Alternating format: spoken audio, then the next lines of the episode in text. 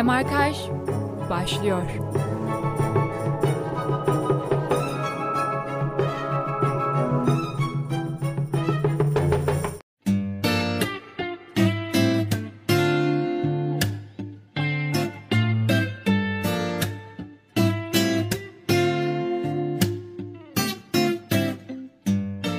Sevgili dinleyenler, Demarkaj'ın bir yeni programına da hepiniz hoş geldiniz. Her hafta farklı konuklarla ve konularla haber biriminin hazırlayıp sunduğu Demarkaj kaldığı yerden devam ediyor. Yine bir cumartesi gününden herkese merhabalar. Cemre nasılsın diye söze başlayayım. Çok iyiyim. Özellikle bu hafta oldukça heyecanlıyım. Çünkü belki de haftalardır beklediğimiz bir konuk bizlerle olacak. O yüzden onu ağırlamak için e, büyük bir heyecan duyuyorum aslında. Aynı şekilde ben de. E, peki kim konuğumuz? E, Can Merdan Doğan bizlerle beraber olacak. İlk önce e, hoş geldiniz Can Bey. Hoş bulduk, merhaba. Nasılsınız?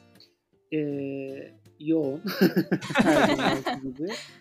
Ee, ama iyiyim, teşekkürler. Umarım siz de iyisinizdir. Süper. Biz de iyi olmaya Biz çalışıyoruz okulun yoğun temposunda. Evet ama en azından havalar ısındı. Bizim de okulumuz bitmek üzere aslında. O yüzden çok daha mutluyuz belki de tatile gireceğimiz için. Aynen öyle. İsterseniz programın detayına başlamadan kısaca siz hakkında biraz bilgi verelim dinleyicilerimize. Ardından e, programı daha soru cevap şeklinde ilerletelim. Cemre başlamak ister misin?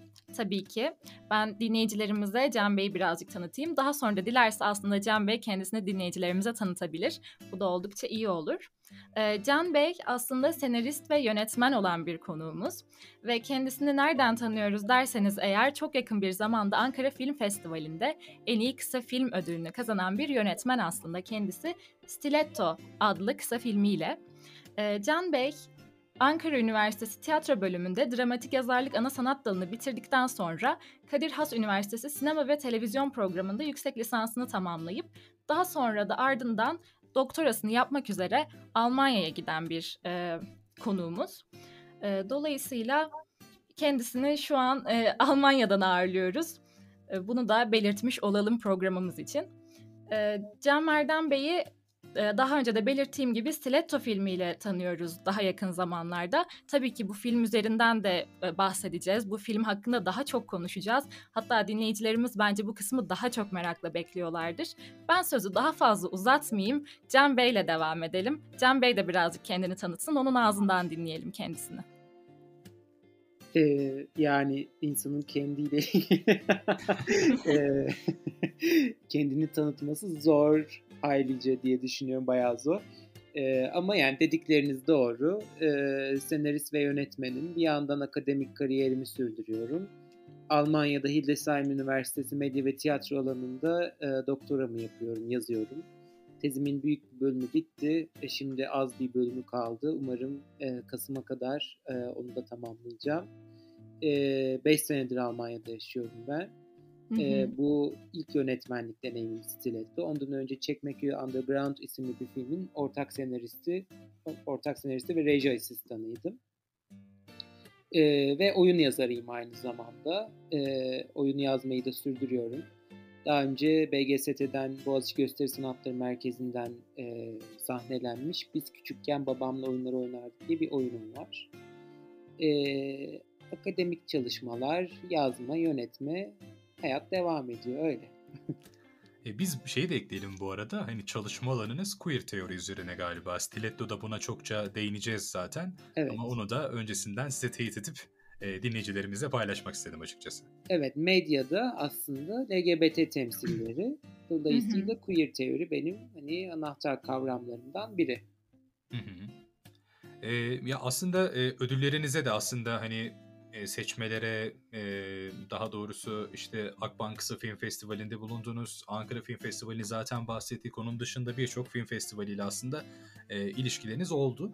E, bunlardan daha detaylı ilerleyen zamanlarda, ilerleyen program, e, dakikalarda bahsedeceğiz. E, ama öncesinde biraz da Stiletto hakkında ben bilgi vermek istiyorum. Hı hı. Daha detay, detayına inmeden e, kısaca bir bilgilendirelim dinleyicilerimizi aslında. E, başrollerini Murat Kılıç ve Nihal Yalçın e, yapıyor. Dünya premierini 65. BFI Londra Film Festivali'nde yapmasının ardından Güney Kore ve Almanya festivallerinde de boy gösterdi. Stiletto'nun yolculuğundaki diğer duraklardan bazıları ise Antalya Altın Portakal Portakal Film Festivali, Ankara Film Festivali ve Uluslararası İzmir Kısa Film Festivali'ydi. Şimdi bunlardan biraz bahsettik, ee, kısa bilgiler verdik, dinleyicilerimizi hı hı. biraz aslında programı hazırladık. Ee, biraz böyle e, Can Bey'in kim olduğuna dair daha özel sorularla biraz soru cevap e, programımızın biraz soru cevap kısmına geçelim istersen. Ne, ne dersin? Evet bence de oradan başlayalım.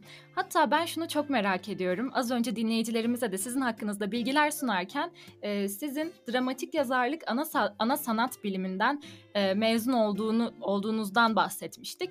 E, peki nedir dramatik yazarlık? Neden bu ana dalından e, bu ana dalı tercih ettiniz? Neden bu e, dalı okudunuz? Ya aslında çocukluğumdan beri e, ay bu cümleyle başlayacağım gerçekten şey olarak. e, ama bu gerçek. E, sinema hayatımın her zaman bir bölüm, bölümüydü. E, özellikle işte ben doğma büyüme Ankaralıyım bu arada. Ve eski bir Bilkentliyim de. Aslında Ankara Üniversitesi'nden önce bir yıl Bilkent'te okudum ben. E, bu sırrı herkesten saklıyorum. Şimdi dinleyicilerimiz duydu. Aynen. E, şöyle 10 yaşından itibaren ben yalnız sinemaya gitmeye başladım. E, çünkü böyle işte babam askerdi o zaman yani işte subay, az subay emek, az subaylık yapıyordu ve o dönem lojmanlarda oturuyorduk Anıttepe'de.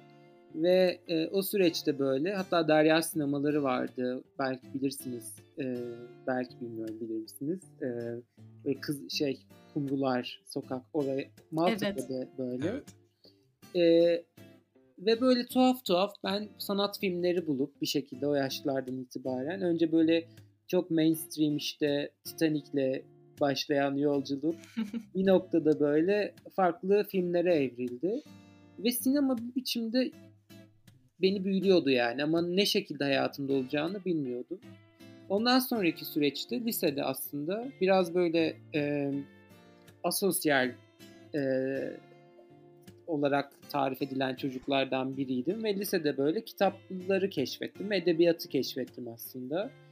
E, ve ilginç bir şekilde de oyun okumaya başladım. Tiyatro metinleri okumaya başladım. Ve bu bana çok keyif verdi tiyatro metinleri okumak. Hatta Oscar Wilde de ilk okuduğum e, böyle oyun yazarı. E, e, ve böyle yazıyordum da bir şekilde hep işte bu kompozisyon dersleri, edebiyatta falan böyle çok hocam böyle sürekli övüyordu işte çok güzel şeyler söylüyordu. Kalemimin çok iyi olduğunu söylüyordu vesaire. Sonra o süreç beni bir şekilde böyle e, bu arada işte en küçük ablam da oyuncu, oyuncuydu o dönem. Ee, ve ondan da etkilenerek galiba tiyatroyla bir şeyler yapmak istedim. Yani sanatın herhangi bir dalında olmak beni mutlu edecekti. İlk önce bu oyunculuktu. Sonra sahne fobim olduğunu fark edip ve sahnede asla olamayacağımı fark edip e, bu bir şekilde dil, tarih, tiyatro böyle işte herkesin methettiği, övdüğü, çok iyi hocaların olduğu ve iyi bir eğitim olduğunu duydum. E, bir, bir yere bir yere girmek istedim. Böyle özel yetenek sınavı vardı. E, ve işte ilk e, iki aşama yazarlık ve kuram, e, tiyatro tarihi ve teorisi. Ben ikisini de kazandım son aşamaya kadar ve mülakatta bir şekilde yazarlık istediğimi belirttim jüriye, hocalarımıza. Dramatik yazarlık aslında şu, hani dramatik yazarlığın dramayla bir ilgisi yok. Yani dramatik yazarlık aslında bildiğimiz sahneye yönelik ya da bu görsel sanatlar da olabilir ona yönelik aslında bir tür senaryo ve oyun yazarlığı. Yani e, çünkü bütün oyun metinleri, işte senaryolar bunların her birinin bir dramatik yapısı var. En temel olarak dramatik yapı işte çatışması olan, bir işte e, protagonisti, antagonisti olan, dolayısıyla bir kurmacası olan bir yapı tarif ediyor. Dolayısıyla bu işte Aristotel, Aristoteles'in aslında poetikasında belirttiği bir e, yapı, dramatik yapı. Dolayısıyla dramatik yazarlık da aslında edebiyattan ayrıldığı için tiyatro bu anlamda ve dramatik sanatlar senaryo, oyun yazarlığı bunlara dramatik yazarlık diyoruz. Temel Peki, e, evet ya aslında e, hani programın başında da belirtmiştik. Sinema ve televizyon programında yüksek lisans yaptığınızı da e, duyduk aslında. Evet. E, şeyden de bahsetmiştiniz. Hani sizi sahneden sinema ve televizyona sürükleyen şeyin biraz da sahne fobisi olduğundan bahsetmiştiniz. E, bunun dışında bir faktör var mıydı sinema, televizyona yönlendiren sizi? Ee, yani tiyatroda çok temel bir e, eğitim aldım ben aslında. Yani sosyoloji, psikoloji, felsefe hani bunların böyle tiyatro tarihinden başlayan, antik Yunan'dan başlayan bir temel eğitimimiz vardı bizim ve diğer aslında bilim dallarıyla tiyatro her zaman iç içe. Ee, yani sosyolojiden e, ayrı düşünülemez bir aslında e, sanat dalı diyelim. E, dolayısıyla çok temel bir eğitim aldım ve sonrasında şeyi fark ettim. Yani bu bölümden mezun olduğumda ya akademik olarak devam etmek istediğimi düşünüyordum o dönem. Ama içimde hep şey vardı yani bir şey yönetmek istiyorum. Yani bir şey yapmak istiyorum. Yani e, pratikte de yer almak istiyorum duygusu vardı. Bunu en iyi şekilde de işte master yaparak öğrenebilirim sinemaya dair. İşte kurgu, e, işte görüntü yönetmenliği vesaire. Daha farklı aslında benim hayallerim vardı buna dair ama yine sinema televizyon işte Kadir Has'a başladıktan sonra yine teoriye yöneldim ben böyle tuhaf bir şekilde. Hep böyle teori kısmı da beni e, bir şekilde hani kendine çekti diyeyim. E, dolayısıyla şeydi yani her ikisi de yani hem sinemanın içinde olmak isteme pratik anlamda hem de daha çok ne öğrenebilirim? Hani yönetmenlik, kurgu bu dersleri de aldım çünkü bunlara dair daha çok çünkü hiç bir fikrim yoktu teori dışında. E, bunlar oldu. Temel olarak motivasyon. İlk okuduğunuz oyunun Oscar Wilde tarafından yazıldığını söylemiştiniz. Peki sinema alanında da küçükken aldığınız bir rol model var, rol model var mıydı mesela? Ee, Leonardo DiCaprio dermişim. yani e, rol rol model yönetmen olarak mı? Yani yönetmen beni... olarak varsa tabii. Yani, ya da size e... sinemaya ilk başta ya ben bunu yapabilirim dedirten bir rol model var mıydı? Ya da sinema alanına ilginizi sürükleyen? E, çok e, Kızılırmak sinemasında çok izledim ben film tabi. O dönem böyle sanat filmlerinin çoğunu orada izliyordum. E, bir taraftan. E, yani orada da böyle François Ozon mesela beni çok büyülemişti böyle işte o ergenlik döneminde ee, işte böyle sonrasında da 16, 17, 18 yaşlarımda yaptığı filmler böyle 2000'lerin başına denk geliyor benim o sürecim tabii. İşte 87 doğumluyum. Dolayısıyla böyle 5 çarpı 2 e, mesela o film çok etkilemişti. Yani e, çok yönetmen var. Hani Ferzan Özpetek'in filmlerini çok seviyordum o dönem. E, şimdi o kadar sevmiyorum ama. ama çok böyle hayran olmuştum. Rol modeliniz de değişti o halde. Tabii, Almodovar'ın filmleri. Yani mesela annem hakkında her şey böyle içimdeki o duygu tarif edilemez. Böyle o hani e, bence iyi bir film zaten içinizde o hani tarif edemediğiniz ama sizi böyle tüyleriniz diken diken yapan o duygu bence. Çünkü tarif ettiğiniz onu çözmeye başlıyorsunuz o duyguyu. Ben bazen hani bir filmi çok sevdiğimde onu tarif etmeden bırakmak istiyorum. O duygu bende kalsın diye. Hani analiz etmeden. Çok var öyle film ve yönetmen. Ee, Jane Campion çok çok etkilenmiştim mesela bu piyano beni yine büyüleyen filmlerden biri. Sonradan izlediğim filmlerden biri. 90 yapımı, 92 galiba. Ee, ama beni motive eden bir sürü yönetmen var yani. Şimdi hatırlayamadığım bir tek film yok. Peki e, ya bana soracak olursanız ya yazarlık gerçekten bambaşka bir e, mevzu. Yani çünkü mesela ben şu anda da e, hani iletişim ve tasarım okuyorum ama e, çekimlerle işte e, yönetmenlikle vesaire ilgiliyim. Hani ben de ileride aslında kariyerime sinema alanında devam etmek isteyenlerdenim. O yüzden hani şu anki yaptığımız projelerde de görüyorum ki ya gerçekten bu yazarlık hani e, ben yazarım diyen çok insan oluyor ama önüne boş bir kağıt ve kalem verdiğinde o bomboş oluyor. E, bence çok değerli bir e, meslek yaptığınız yazarlık. E, bu konuyla alakalı ilk oyun deneyimi, ilk oyun yazarlığı deneyiminizden biraz bahseder misiniz? Yani ben çok e, 25 yaşında yazdım bir metinde o. e, ve gerçekten işte benim için çalışılabilecek en böyle e, ilginç bir projeydi o. Şöyle aslında e, Gülriz Süruri ile Engin Cezzar'ı bilirsiniz. Engin Cezzar'ın baba rolünü oynadığı ve böyle Hamlet'e dayanan bir metin de o böyle metinler arası aslında bir şeydi. Shakespeare'in metinlerinden yola çıktım ve bu e, sanat ve devlet ideolojisi, cumhuriyet ideolojisini sorguladığım bir metindi. Dolayısıyla boyumdan büyük bir metindi aslında bir taraftan ama hatta Ankara, İstanbul'da yaşamama rağmen Ankara'ya gelip Ankara'da yazdığım bir oyun olmuştu. E, dolayısıyla orada e, soru neydi bu arada pardon soruyu unuttum. İlk oyun yazarlı deneyiminizi Yazar deneyim. sormuştu. Evet. E, daha öncesinde tabii ki okuduğum dönemde üniversitede metinler yazıyordum. Yazmıştık yani işte mezuniyet oyunumuzu yazmıştık. Da farklı metin denemelerimiz olmuştu ama burada böyle şey beni e, yazdıktan sonra şey ürkütmüştü. Yani çok profesyonel insanlar karşımda. işte Ayşe Selen oynamıştı. E, ve hatta Afife'de en iyi kadın ödülünü aldı. En iyi kadın oyuncu ödülünü aldı bu oyunla. İşte Metin Göksel yönetti. İşte Cüneyt Yalaz gibi yine BGST'nin çok önemli oyuncularından biri oynadı vesaire. Ee, şunu fark ettim. Bir metin aslında sizin kendi dünyanızın dışında başkalarıyla paylaşıldığında çoğalıyor ve büyüyor.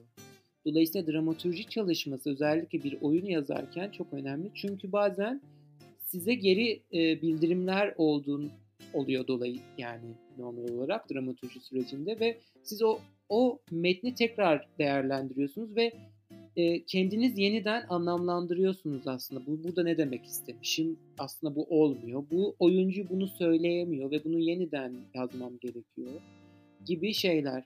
Ve şöyle e, yani o kadar çok yazmayı severek o kadar uzun diyaloglar yazmıştım ki o metinde.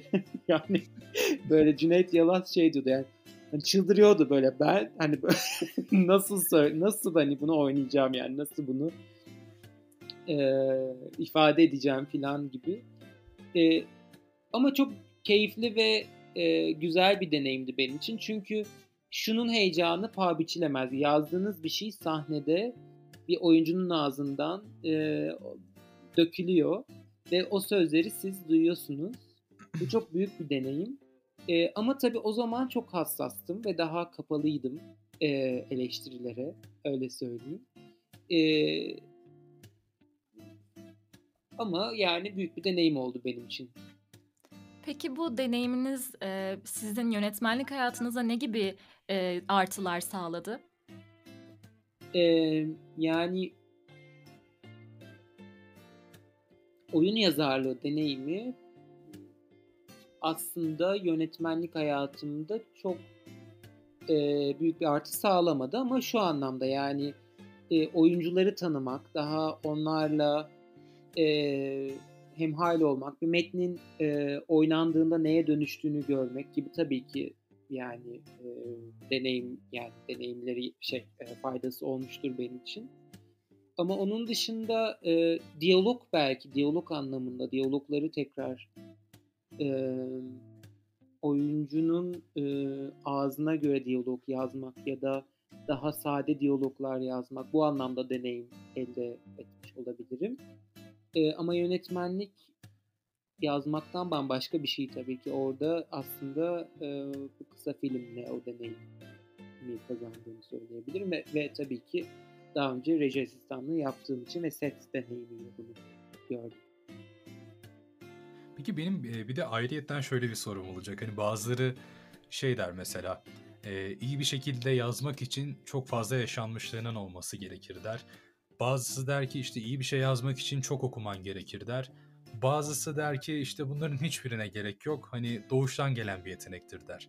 Sizde nasıldır bu yazarlık Yani yeteneği? tek bir cevabı yok bence bunun. Hem hepsi hem hiçbiri. Yani benim için e, ben bir yazarın çok entelektüel olması gerekmediğine inanıyorum artık. Daha önce böyle daha e, işte çok okumak gerektiğini düşünüyordum ama artık bence yani tabii ki okumak ve tabii ki okumak çok kıymetli, izlemek çok kıymetli. Bunlar e, iyi bir yazar olmanın e, gerekleri ya, da artıları diyelim ama onun dışında e, bence yani bize şu söylendi dramatik yazarlık eğitiminde. Bu işin %70'i teknik. Yani aslında hepimiz yazmayı öğrenebiliriz. %30, %20 ya da neyse bu geriye kalan yetenek. Yani hocalarımız şey diyordu işte e, size yazmayı öğretebiliriz ama Shakespeare gibi yazmayı öğretemeyiz. Ya da işte Chekhov gibi yazmayı öğretemeyiz. O kısım gerçekten hani sizin o teknik bilgiyi nasıl harmanladığınız ve kendi deneyiminiz, e, getirdiğiniz özellikler bunların her birini ve yaşadığınız şeyler. Ama ben e, ailenin çok önemli olduğunu düşünüyorum. Çünkü ilk gözlem yerimiz orası aslında.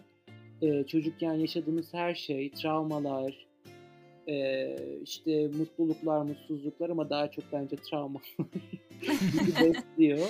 Ve bir noktada e, onlar öyle yerlerden sıçrıyor ve çıkıyor ki yazarken bazen bir kelime olarak, bazen bir cümle olarak, bazen bir an, bir görüntü. Sonra onu o kurmacanın dünyasında yeniden yorumluyoruz, harmanlıyoruz. İşte burada teknik işe, işe yarıyor. Yani hiçbir zaman yaşadığımız şeyi olduğu gibi kağıda aktaramayız.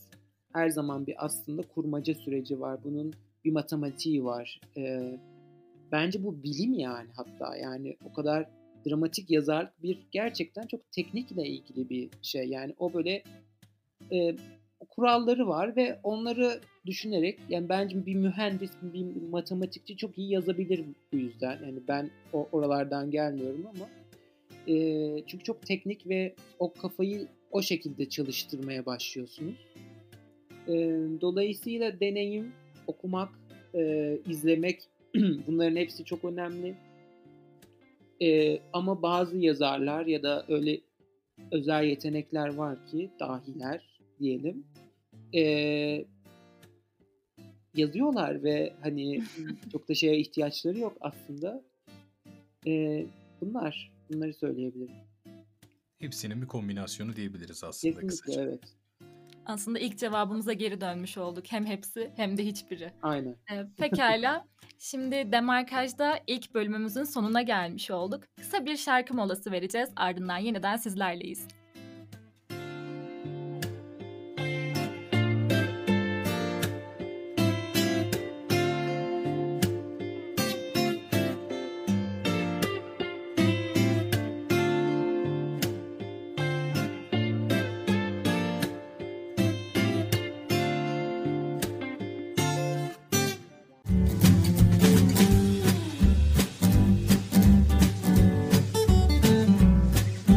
'Demarkaj' devam ediyor.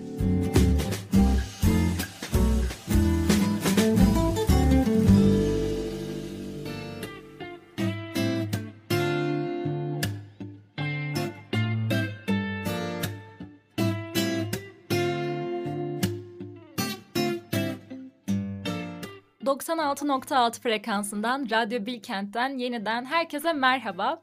Demarkaj programında bu haftada sizlerleyiz ve çok değerli bir konuğumuz var.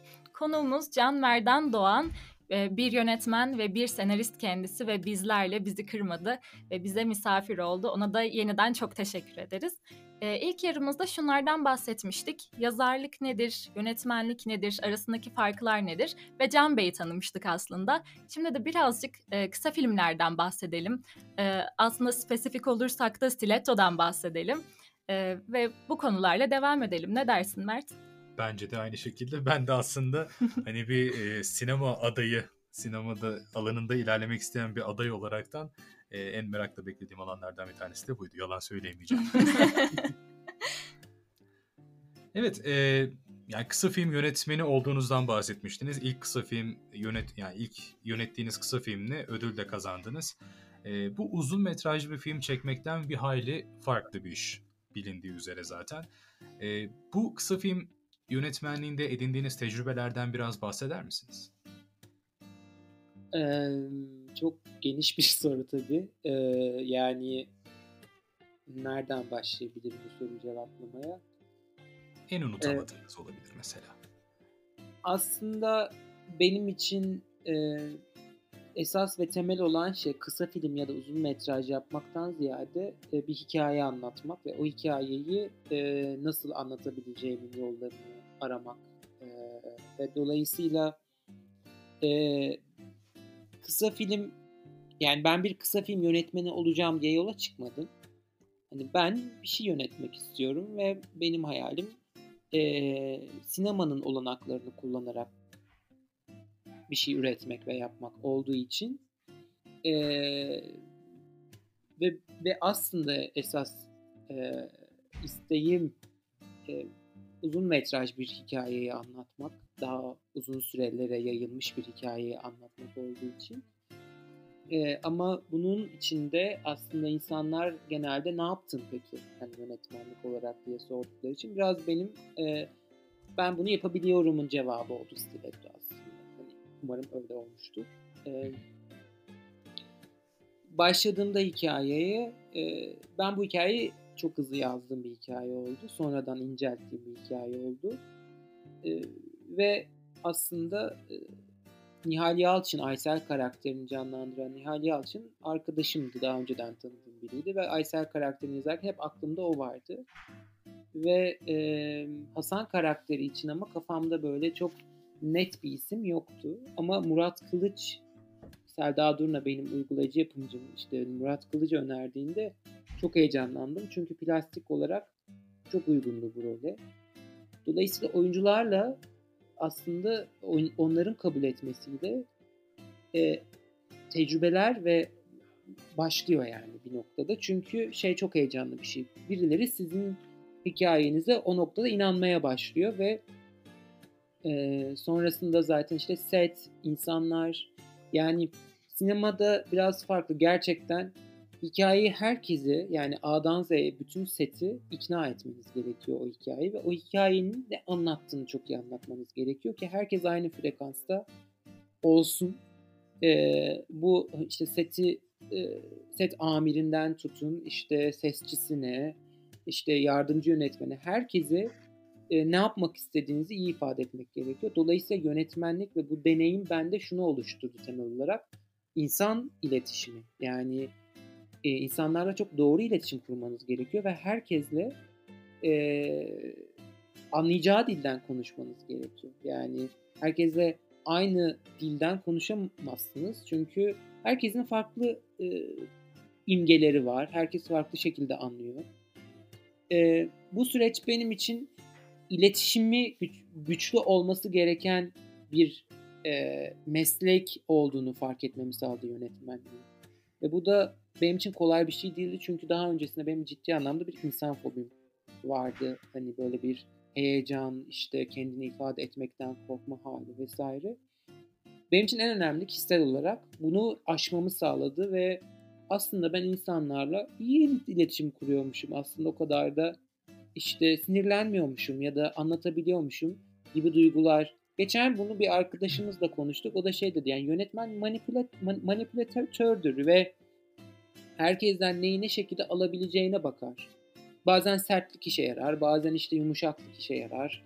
Ama bir biçimde aslında olay sizin dünyanızı gerçekleştirmek için e, çok bencilce bir şey bir taraftan bu ama hani e, insanlara doğru kanallarla ve onların gerçekten e, etkilenebileceği bir şekilde onlarla doğru iletişimi bulmak ve bunun yolu. Yönetmenlik bence bu tamamen. Onun dışındakiler zaten teknik şeyler. Stiletto ve bu süreç bana en çok bunu kattı. Yani bu iş yalnız başına yapılamayan bir iş. İnsanlarla yapılabilen, yani edebiyat değil, roman yazmak gibi değil. Dolayısıyla iletişime açık olmak ve sinirlenmemek, sakin olmak. Her soruya bir cevabınızın olması bu çok önemli. Ya bu dedikleriniz de aslında hani bir yerde de kendimi gördüm diyebilirim. Ben de lise ortaokul zamanlarında biraz daha içe kapanık bir çocukken e, henüz bu dönemin ya bu senenin ilk döneminde e, bahar, e, sonbahar döneminde bir film çektik biz 18 kişi olarak sınıfça. E, orada da yönetmen bendim. İlk yönetmenlik tecrübem orada olmuştu.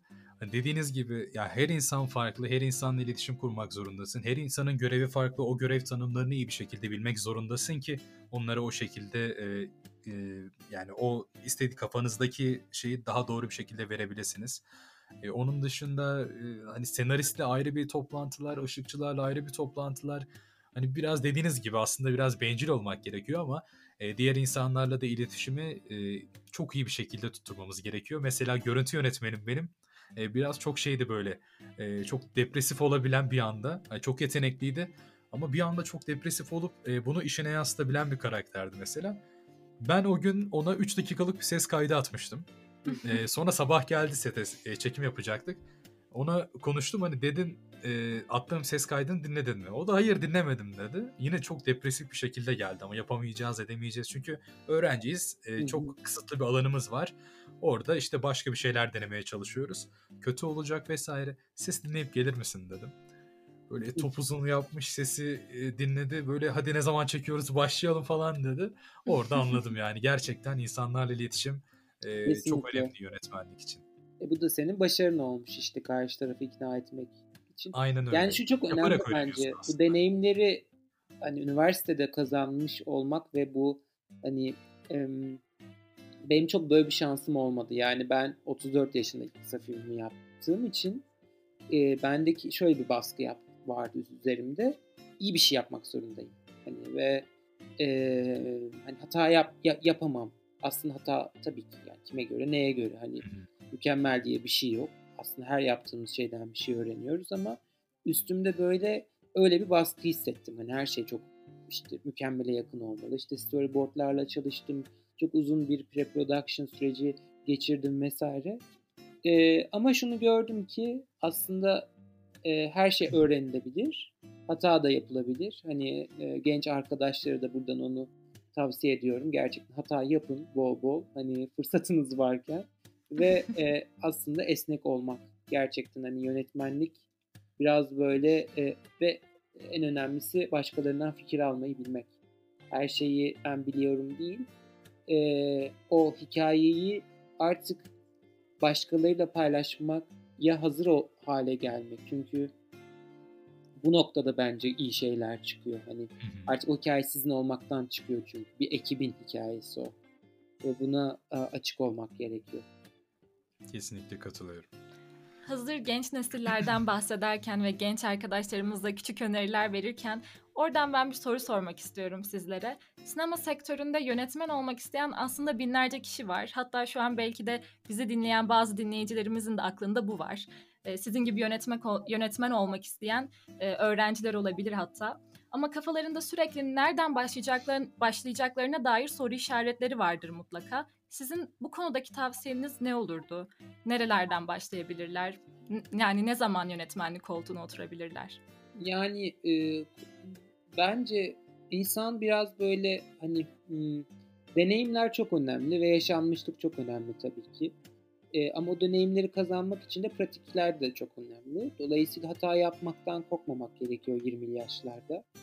Hani mümkün mertebe bir şeyler çekip, yazıp, insanlarla paylaşıp, geri bildirimler alıp, sonra tekrar işte beğenilmediğinde küsme, küsmeden tekrar e, herkesle paylaşmak ve herkesle derken tabii ki seçtiğimiz işte fikrine inandığımız insanlardan bahsediyorum. E, dolayısıyla o yolculuk böyle devam ettikçe e, bir şekilde aslında kapılar açılıyor. E, bunun için de korkmamak gerekiyor ve cesur olmak gerekiyor.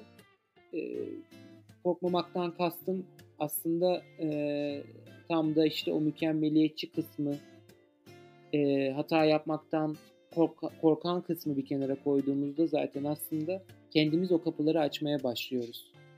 E, bir de şey çok önemli başkalarından beklememek. Birileri beni keşfetsin, birileri beni görsün. İşte öyle bir şey olmuyor çünkü. Hani kimse sizi hiçbir şey yapmadan keşfetmiyor ya da bulmuyor. E, eyleme geçmek, küçük küçük paylaşmak, e, insanlarla tanışmak, sinemacılarla tanışmak. Bence festivaller bunun için çok önemli. Ankara Film Festivali, İstanbul Film Festivali. Buralarda mümkün mertebe film izleyip e, sinemacılarla tanışmaya çalışmak. E, bunları söyleyebilirim. Peki e, yani çoğu yönetmen yapımlarına baktığımızda ben de e, takip ettiğim yönetmenlerin filmlerini izlediğimde e, genelde o eserlerinde mutlaka onların hayatından belli başlı izler görürüz. E, siz de bir yönetmen olarak hayatta edindiğiniz tecrübeleri filmlerinize aktarıyor musunuz yoksa hani daha çok kurmaca bir e, yol mu tercih ediyorsunuz? Ee, kurmacanın aslında dünyası zaten deneyimlerimizden oluşuyor. Yani bu çok birbirinden ayrı şeyler değil. Yani işte e, hiçbir izlediğimiz sinema filmi, tiyatro oyunu vesaire bunların hiçbiri e, aslında birebir bir hayatın aynısı olamaz. Bir yaşamın aynısı olamaz. Çünkü eğer öyleyse de orada bir problem vardır bence. Çünkü ister istemez işin kurmaca kısmı e, ya kurmaca bir dünya yaratıyoruz aslında. Bu gerçek yani e, gerçeğin dışında bir dünya yaratıyoruz. E, o dünya gerçekçi olabilir, sürreal olabilir, farklı şeyler, farklı e, türler de olabilir ama günün sonunda yazdığımız bütün metinlerin e, ve sahnelediğimiz her şeyin bir dünyası var. E, ama bunların içinde tabii ki deneyimlerimiz var. E, yaşanmışlıklarımız var. E, işte mesela işte stiletto üzerinden gideceksek birkaç cümle böyle e, annemin yani annemden böyle e, duyduğum e, bir takım cümleleri aralara sıkıştırdım ama mesela kadın karaktere değil de erkek karakter üzerinden bunları yazdım. E, böyle değişimler oluyor ama böyle birebir mesela e, bu buydu bu buydu gibi hayatımda yaşadığım her şeyi oraya geçireyim gibi bir durum olmadı. Çünkü o yazdığım şeyin dünyasını anlamaya çalışarak ama bunu kendi deneyimimden ve kendimden yola çıkarak yapmaya çalıştım. Aslında ikisi her zaman iç içe. Onu söyleyeyim. Şimdi aslında dinleyicilerimizi de birazcık kısa film konseptiyle e, alıştırdık. Kısa filmden bahsettik. Nasıl çekilir, nasıl yönetmenlik yapılır. Ancak şimdi gelelim benim programda en çok konuşmak istediğim kısma. Yani yönetmenliğini yaptığınız Stiletto, Pembe Bir Aile Trajedisi adlı kısa filme. E, biz tabii ki programdan önce bu kısa filminizi izledik. Çok da beğendik. Hatta e, kendi aramızda da çokça, çokça tartıştık. E, yorumlarımızı yaptık. Şimdi de sizinle bunu birazcık tartışalım istiyoruz. Ama tabii ki bilmeyen dinleyicilerimiz için kısaca birazcık Stiletto'yu özetleyelim ki onların da kafasında bir soru işareti olmasın biz onun hakkında konuşurken. Ee, kısaca Stiletto hakkında e, bahsedersek, kara komedi olan Stiletto, e, bir taksi şoförünün ailesinin temsil ettiği toplumla istekleri arasında e, kalmasını konu ediniyor. Yani bizim ana karakterimiz olan taksi şoförü e, toplumla kendi arzuları arasında aslında küçük bir çatışma ya da bir açılım yaşıyor diyebiliriz. E, gerçekten de filminizde yakaladığınız dil hepimizin alışık olduğu portre edilen bir Türkiye uzamında, sanırım İstanbul uzamında yanlış e, anlamadıysak ve fark etmediysek, e, queer bir açılmayı çok güzel yakalamış ve de çeşitli imgelerle izleyicilere nesnelerin kadınsallığını ya da erkeksiliğini sorgulatmış diyebiliriz. Ee, özellikle çokça e, çok fazla sembolik olan bir takım objeler, eşyalar var ve biz de onların hani çok zekice yerleştirilmiş olmasına bayıldık açıkçası. Ee, bunlardan tabii çok detaya da girmeyelim. E, dinleyicilerimiz de e, yani bunu eğer izleyebiliyorlarsa izlesinler. Peki Stiletto'dan bahsettik, e, yaşanmışlıklardan bahsettik, bunların filminize ilham olabileceğinden de bahsettik. Peki Stiletto için ilhamınızı nereden aldınız? Buradan Stiletto'ya küçük bir giriş yapabiliriz bence. Ee, şeyi söyleyeyim önce. Ee, Eylül sonunda Mubi'de olacak film. Hmm. Hı hı. Herkes oradan izleyebilir. Festivallerde izleyemeyenler. Süper. Akbank'ta galiba e, biz işte mansiyon ödülü aldığımız için orada üniversitelerde gösterilmeye devam ediyor diye biliyorum ama hı hı. hala devam ediyor mu bilmiyorum onu. Akbank'tan da takip edebilirler. Ee, ama işte Eylül sonunda festival sürecimiz bittiğinde artık dijitalde olacağız. Onun müjdesini vereyim. Onun dışında Stiletto ilhamı e,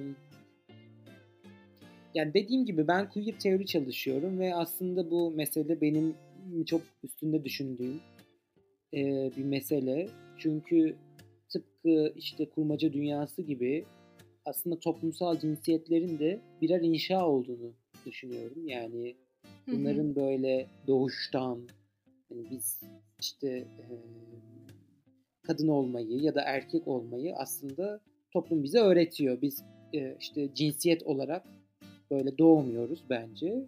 E, işte biyolojik cinsiyet farklılıklarımız var ama bence işte o toplumsal cinsiyet kısmı öğretilen kısım ve toplumlara göre de değişen şeyler bunlar. Aslında kültürel olarak değişen şeyler.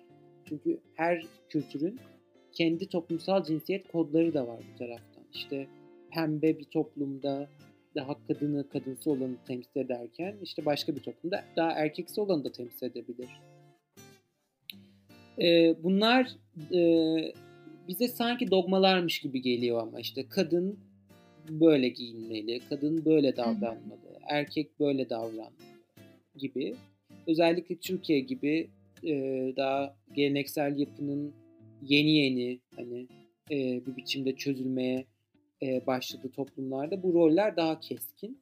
Ve ben de çocukken ve küçükken e, bunun e, hem aile içinde hem de aslında e, işte arkadaş çevresinde ve toplumla karşılaştığımda e, farklı bir boyutunu gördüm ve bu beni çok irkiltti. E, bu kadar işte e, niye böyle davranıyorsun, niye bunu giymek istiyorsun, niye böyle konuşuyorsun gibi şeyler. Hatta işte o çocukların e, kendi aralarındaki zorba dünyası vesaire. Aslında o zamandan başlayan ve kendime de sorduğum sorular. Hani ben niye onun gibi değilim, ben niye bunun gibi değilim e, gibi e, sorularla başlayan ve sonrasında da akademik olarak okudukça anlamını bulduğum bir yere evrildi benim için.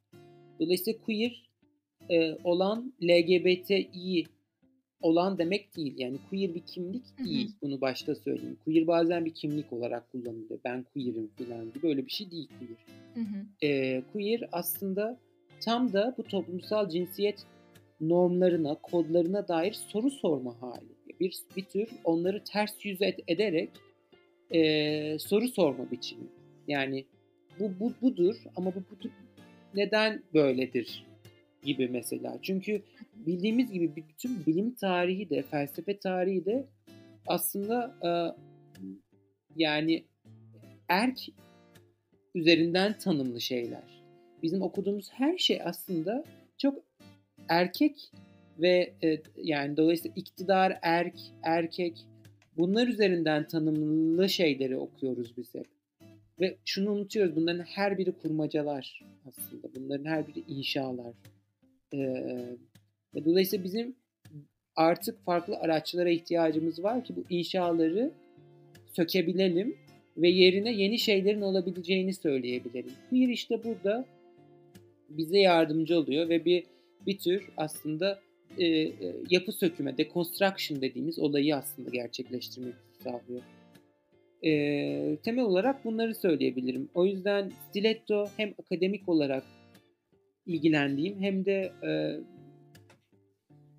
biyografik olarak beni etkileyen ve beni aslında o baskıyı üstümde e, hissettiğim durumlar üzerinden e, oluştu ve e, böyle bir film ortaya çıktı. Peki neden özellikle stiletto objesini seçtiniz? Bunun bir hikayesi var mı? Yani stiletto objesini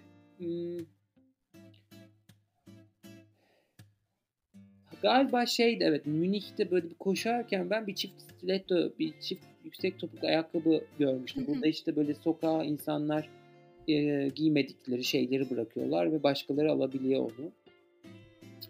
İlk böyle oradan ve sonra işte böyle bir kurgu geldi aklıma. Bir taksi şoförü stiletto giyse mesela işte karısı onu hmm, görse filan gibi böyle. ee, Oradan çözüldü oradan galiba. Oradan biraz yavaş. böyle e, hikaye aslında oluşmaya başladı. Ama stiletto çok e, açık bir e, gösterge aslında. Çok işte kadına ait Kesinlikle. olan yüksek topuklu ayakkabı işte vesaire. E, ama biliyoruz ki e, işte Judith Butler da onu söylüyor zaten. İşte mesela drag queenler işte stiletto ya da e, işte makyaj vesaire aslında o bildiğimiz kurgunun e, biyolojik e, bir erkek aslında ya da karşı cinsten biri e,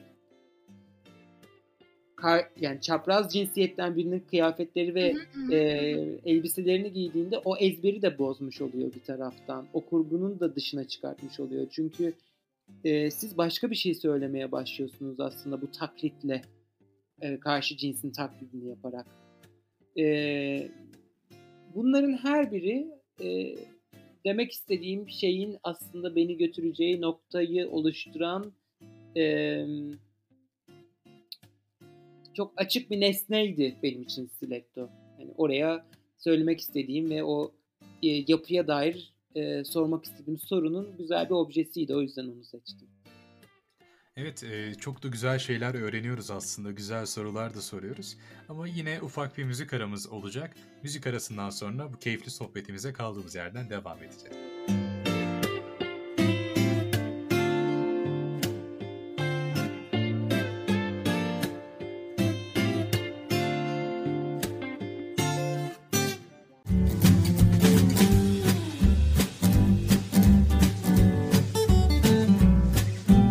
Demarkaj devam ediyor.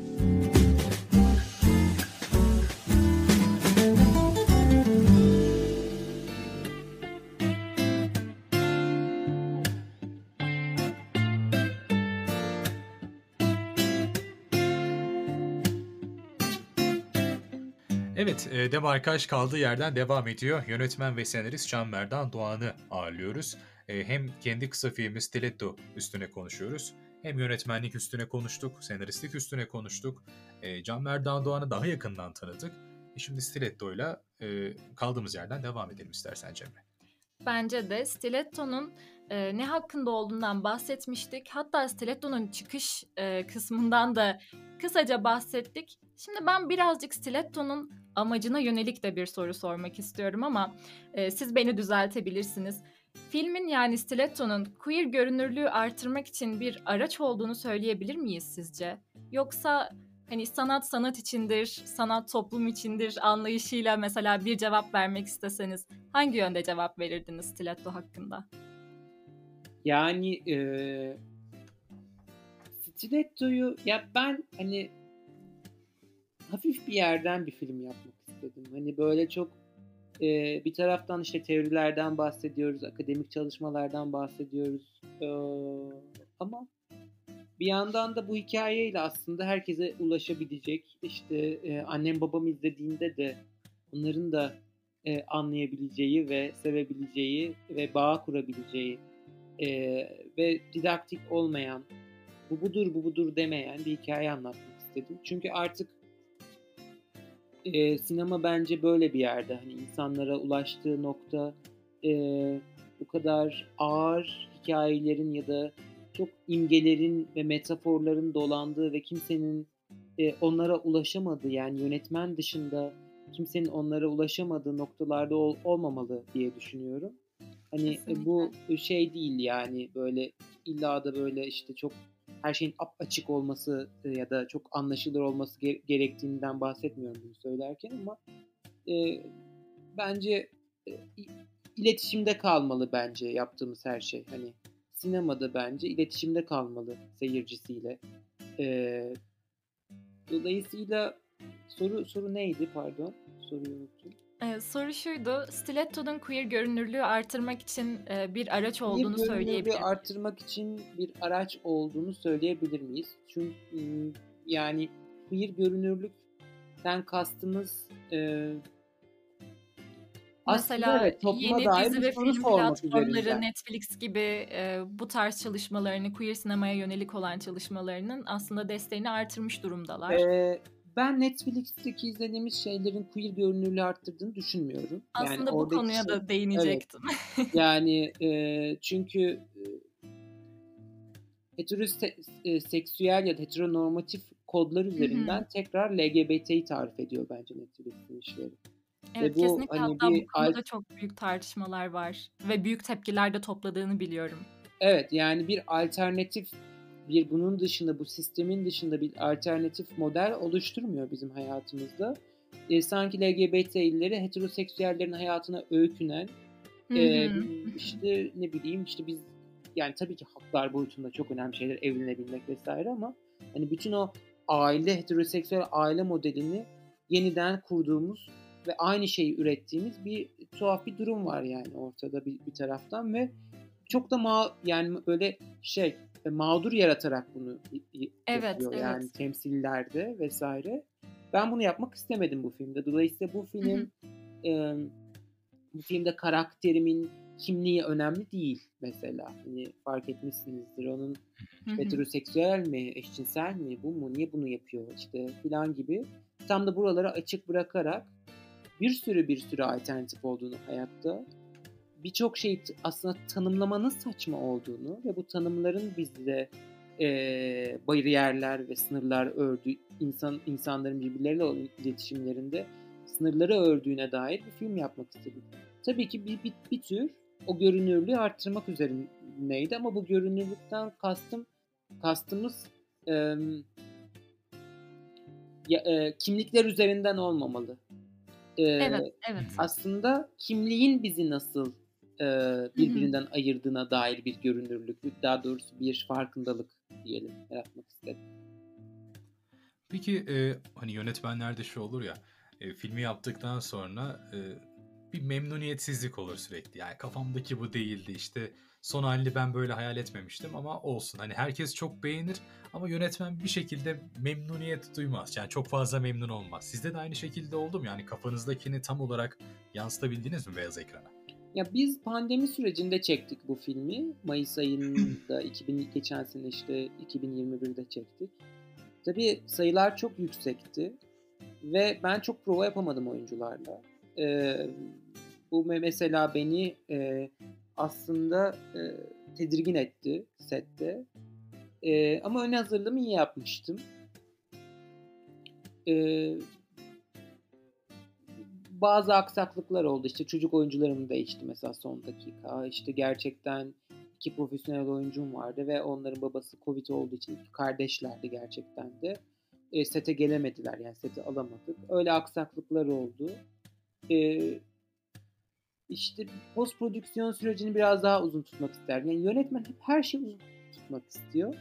E, olay o aslında ama e, işte mesela post prodüksiyondaki çalışanlar ya da işte yani herkes diğer set çalışanları da her şeyi kısa tutmak ve bir an önce bitirmek istiyor. Aslında böyle bir çatışma var.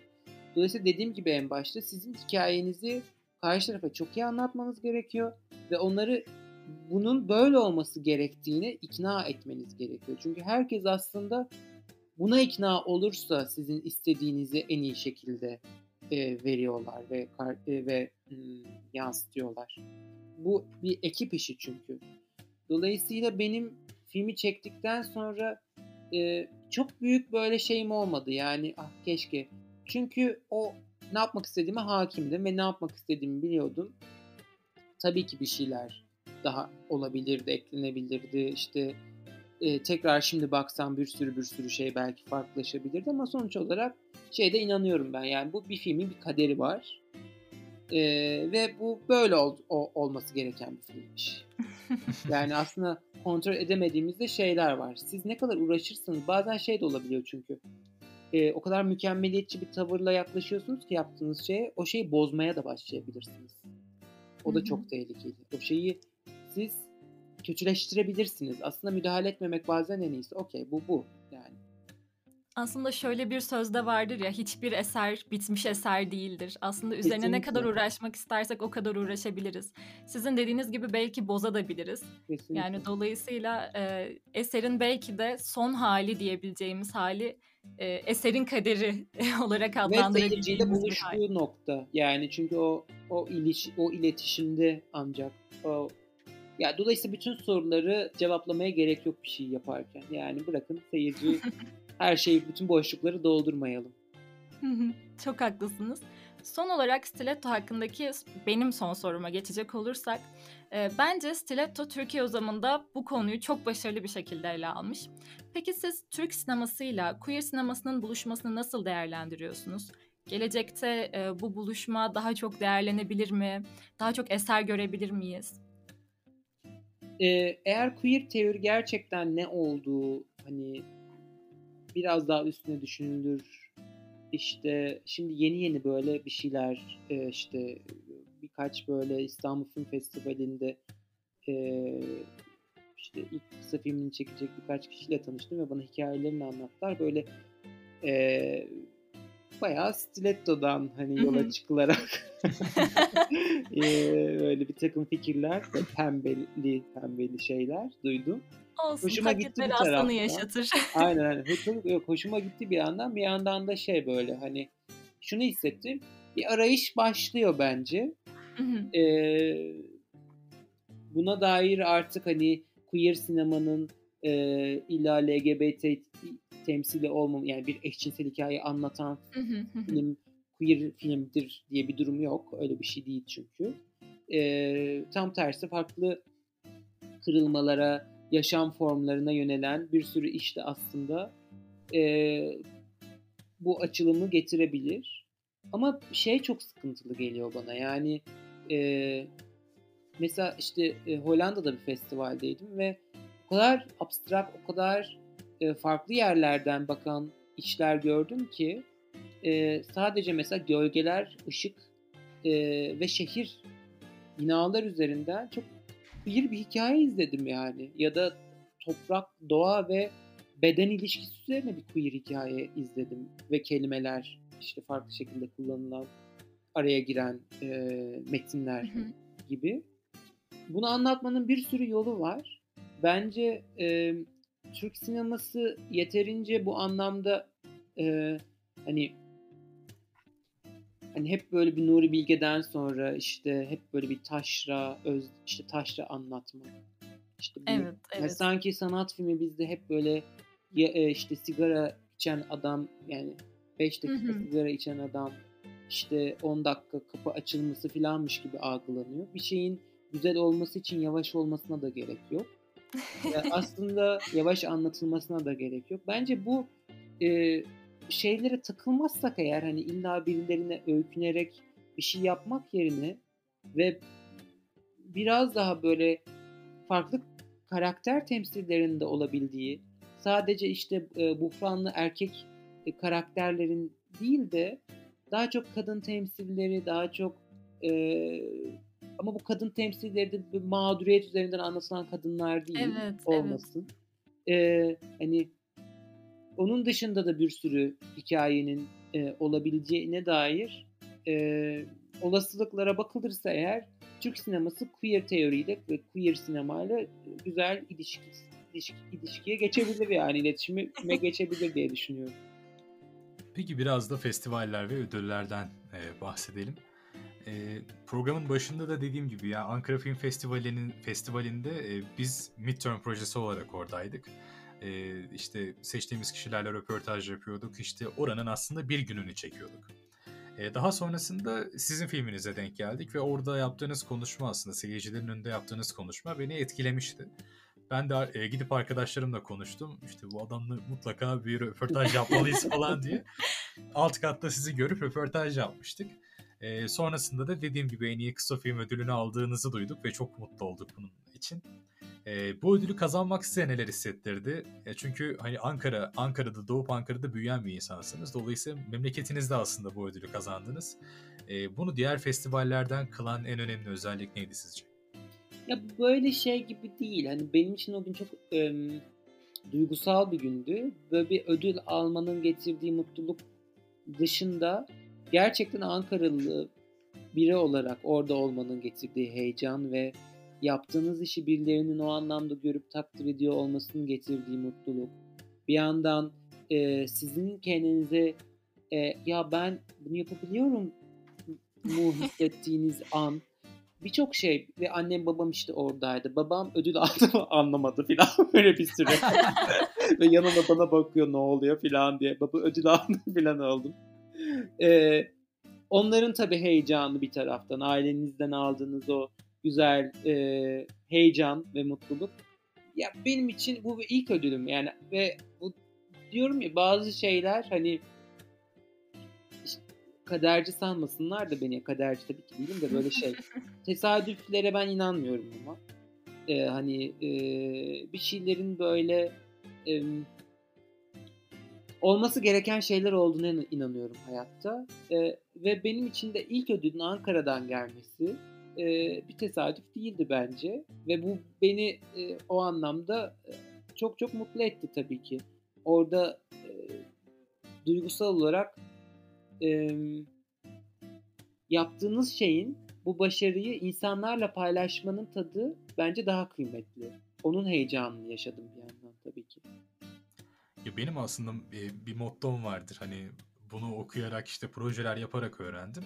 En büyük tutkumu da aslında bu şekilde buldum. Yani e, birisi bana sorduğunda ne olmak istiyorsun vesaire dediklerinde bir şey yapıp onları insanların huzuruna sunmak istiyorum. Yani insanlara izletmek istiyorum. Onların tepkilerini almak istiyorum. Yani bir şeyler üretmek istiyorum aslında. Evet. Sürekli bunu diyorum. Ve bunun gerçekten e, verdiği haz kesinlikle paha biçilemez. Ama çok varoluşsal bir şey değil mi bu? Hepimizin ihtiyacı, hepimiz işte e, kimi lif örerek bunu gösteriyor, kimi işte nakış işliyor. Ama herkes bir şey yap, bir şey paylaşmak istiyor. Yani e, bence o yüzden çok da e, yaptığımız şeyi de çok ciddiye almadan yapmak gerektiğine inanıyorum ben. Hani böyle çok kutsuyoruz ya bazı şeyleri işte ah işte e, ressam, işte şair, ah, işte bilmem ne. Bir şey üretiyor adam ve onu paylaşıyor. Yani benim için gerçekten hani şey hani lif üreten kadın da bunu yapıyor ve çok güzel lifler yapıyor ve üretiyor. Bence aynı şey yani. Hani bunu e, hani şöyle diyorlar ya indir indir yani hayır yani aynı şey gerçekten. Çünkü bunların her biri iletişim kurmanın ve başkalarıyla bir şey paylaşmanın yolları. E, dolayısıyla e, fazla da ne kendimizi bu kadar kutsayalım ne yaptığımız şeyi bu kadar kutsayalım. Sadece yapmaya devam edin. Bence o rahatlıkta olunca ben şimdiye kadar stilettoya kadar hani onu da ekleyeyim. Çok ciddiye alıyordum her şeyi. Yaptığım her şey de çok çok diyaloglar çok bilmem ne ve olmuyordu yani gerçekten. Hani kötü oluyordu ya da e, mesela bir oyunum var geri dönüş alamadım yani. Olumlu bir geri dönüş alamadım ve, ve benim çok sevdiğim bir oyundu filan mesela. E, ve şunu fark ettim evet yani ne zaman akışa bırakıyoruz bir şeyleri yaparken o zaman iyi dönüşler alabiliyoruz. O zaman iletişimde kalabiliyoruz çünkü. Evet bir de e, ailenizin tepkilerinden bahsetmiştik aslında ödülü aldıktan sonra. E, peki yakın çevrenizden gelen tepkiler nasıldı? E, ödüle dair mi filme dair? Filme dair. Filme dair. Filme dair de İkisi olabilir. De olabilir İkisi evet. de olabilir. E, yakın çevrem kim yakın çevrem onu düşünüyorum ya. yakın çevrem e, ya herkes çok mutlu oldu tabii. Yani işte ablamlar izlediler filmi çok mutlu oldular. Ve buradan devam et dedi herkes. Hani bu kara komedi işte daha e, böyle hikayeler yapmaya devam et dediler ama bilmiyorum hani benim şu an işte üzerine çalıştığım uzun metraj filmim yeni. Yine kara komedi ama başka bir estetiği olacak bir film olacak. E, herkes mutlu oldu tabii ki gurur duydu hani e, işte bunu bir birçok insanın benimle beraber paylaşmak istediğini gördüm bu e, başarıyı ve filmin yolculuğunu. E, ne diyebilirim başka bilmiyorum. bu bağlamda aslında hani uzun metraj filminizin de geleceği müjdesini de aldık gibi galiba. E, yani evet işte bu köprüde buluşmalardaydık. Orada bir pitching platformunda film geliştirmede ilk sunumumuzu yaptık uluslararası yapımcılarla tanıştık ve e, aslında Alman yapımcımız var şu an. Yapımcımızı bulduk. Aslında işte ödülü aldık o anlamda öyle söyleyeyim. e, keyifli bir yolculuk başlıyor ve çok uzun bir yolculuk benim için tabii. Çünkü e, işte ilk draftı bitirmem gerekiyor Temmuz ayına kadar. E, Sonra işte fonlar var. E, muhtemelen Almanya'da çekeceğiz filmi öyle duruyor şu an. E, ama işte Türk oyuncularla ve Türkçe çekeceğim film olacak. E, öyle süreç. Peki bu bağlamda e, gelecek hedeflerinizi biraz öğrenebilir miyiz? Yani hangi festivalde yer almak ya da hangi ödülü kazanmayı dilemek gibi. E, yani hangi festival tabii ki her yani sinemacı yani yönetmen olan ya da sinema e, film yapan insanların hepimizin belli başlı ezberlenmiş hayalleri var. Ama bunların dışında da bence alternatifler üretmek ve motivasyonlarımızı tekrar gözden geçirmek önemli. Benim de aslında çok temel olarak kendime sorduğum soru hep bu. Niye bu işi yapıyorum? Niye bir film yapmak istiyorum? Hani belli bir festivalde e, yer almak için, ödül almak için mi yoksa bir şey anlatmak ve paylaşmak ve bir yaram olduğu için ve bunu dünyaya e, duyurmak istediğim ve bir şeyleri değiştirmek istediğim için mi? E, benim için ikincisi geçerli. Yani o öz işin özünü unutmadan bence bir şeyler ürettiğinizde başarı geliyor zaten diye düşünüyorum. Hani mesele çünkü e, işte prestij değil yani ben prestij için bir şey e, yapmak istemiyorum ya da PR için bir şey yapmak istemiyorum. E, çünkü böyle bir sürü iş var ve onlar e, varlar ve e, bana ulaşmıyorlar ama e, diyeyim. Ama ne, nerede böyle samimi, güzel bir meselesi olan, gerçekten bir sanat eseri izlediğimizde, okuduğumuzda, işte ne bileyim dinlediğimizde bunlar bize bizde kalıyor. Benim de amacım böyle şeyler üretmek ve yapmak. Ama tabii ki e, bunların da karşılık bulmasını isterim. Yani her e, üreten insan gibi. Ben birazcık e, hayran olarak yani bir e, hayran dilinde bu soruyu soracağım ama sizi en kısa sürede ne zaman tekrar görebileceğiz? İmzanızı taşıyan bir eser mesela. Çok teşekkürler. Mutlu ettin beni. Ee, yani şu an en yakında aslında bir oyun metni üzerinde çalışıyoruz Çağıl Bocut'la beraber. Ee, bakalım gerçekleşecek mi? Eylül gibi bir e, deadline'ımız var işte. Türkiye'nin şartları buna izin verirse eğer. Hı hı. Çift terapisiyle ilgili bir iş, ilginç bir iş. Ee, onu beraber yazıyoruz ve beraber yöneteceğiz. Aslında temel olarak İstanbul'da sahnelenecek bir oyun e, en çok olacak. Ama onun dışında uzun metrajın gerçekleşmesi iki seneyi bulacak gibi geliyor. Çünkü fonlar, para vesaire. Kesinlikle. Ama galiba ondan önce bir kısa film daha yapacağım. Yani bunun da sözünü vereyim. Teşekkür ederim. daha gelecek ve o da yine e, benzer şeyleri sorgulayan ama bambaşka bir hikaye olacak. Peki e, Stiletto'da e, sizin ilk yönetmenlik deneyiminizde bundan bahsettiği queer temasını anlatan bir yapımdı. E, ya aslında ilerleyen zamanlarda hani kısa film geleceğini söylediniz, uzun metraj geleceğini söylediniz. Bunların teması ve gelecek projeleriniz genelde queer teması üzerine mi gidecek yoksa hani daha farklı e, konularda da filmler görecek miyiz sizlerde? Yani queer temasından kastım mı yani e, illa bir hani yüksek topuklu ayakkabı ya da hani bunlar olmayacak tabii. Farklı şeyler hikayeler üzerinden gelecek ama şey anlamında bu işte ters yüz etme, bu toplumsal cinsiyet kodları, bu aslında bunların her birinin birer inşa olduğu gerçeği ve e, hayatımızdaki bu tanımların bizi nasıl e, kendimizden uzaklaştırdığı ve e, başkalarıyla aramızda sınırlar çizdiğiyle ilgili meseleler benim meselelerim olacak. Yani bu çünkü benim e, e, acısını yaşadığım ve e, işte farklı e, roller içinde insanların da acısını yaşadığını gördüğüm şeyler. Çünkü bu roller e, önemli olabiliyor bazen ama bazen de bizi birbirimizden çok fazla ayırıyor.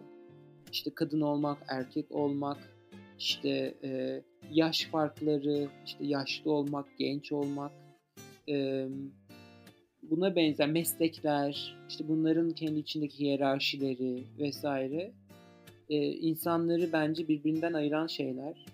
E, dolayısıyla bu kolektifliğin ve beraber üretmenin de e, anlatılması gerektiğini düşünüyorum ben. Yeni projem de hatta bununla ilgili bir şey yine böyle e, belli e, ve değişmez kimliklerin olmadığı, her şeyin dö- dönüşüp değişebileceğiyle ilgili e, projeler yapmak isterim açıkçası. Evet harika gerçekten e, dinleyicileriniz de ben de e, şahsi olarak oldukça heyecanlıyız gelecek projelerinizde merakla bekliyoruz. Şimdi ise maalesef hatta çok üzülerek belirtiyorum ki Programımızın son dakikalarındayız ve sonuna geldik hatta. Can Bey, sizin eklemek istediğiniz, dinleyicilerimize aktarmak istediğiniz son bir mesajınız var mıdır? Ee, son mesaj olarak yani zor süreçlerden geç, geçiyoruz. Tabii hem savaş hem işte ekonomik durumlar vesaire.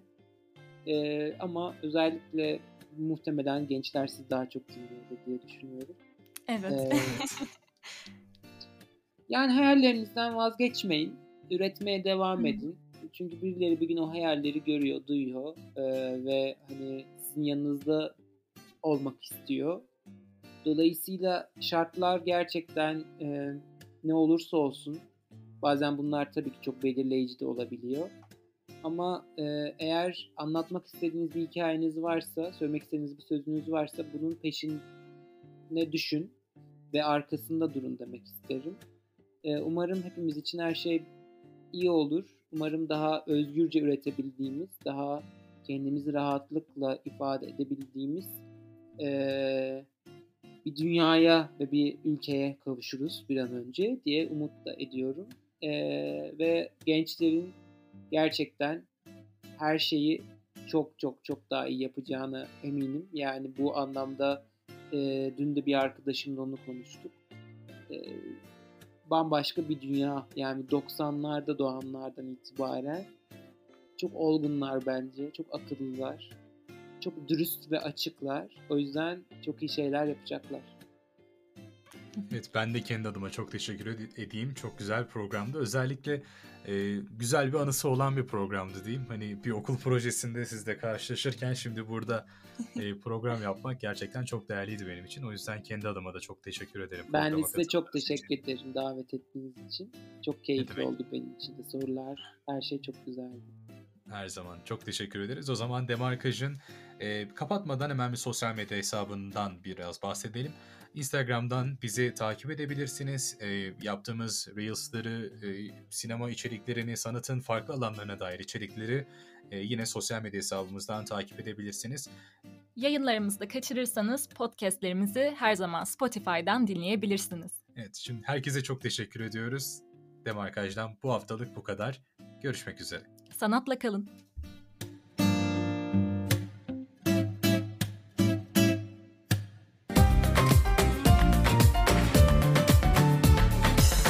Demarkaj sona erdi.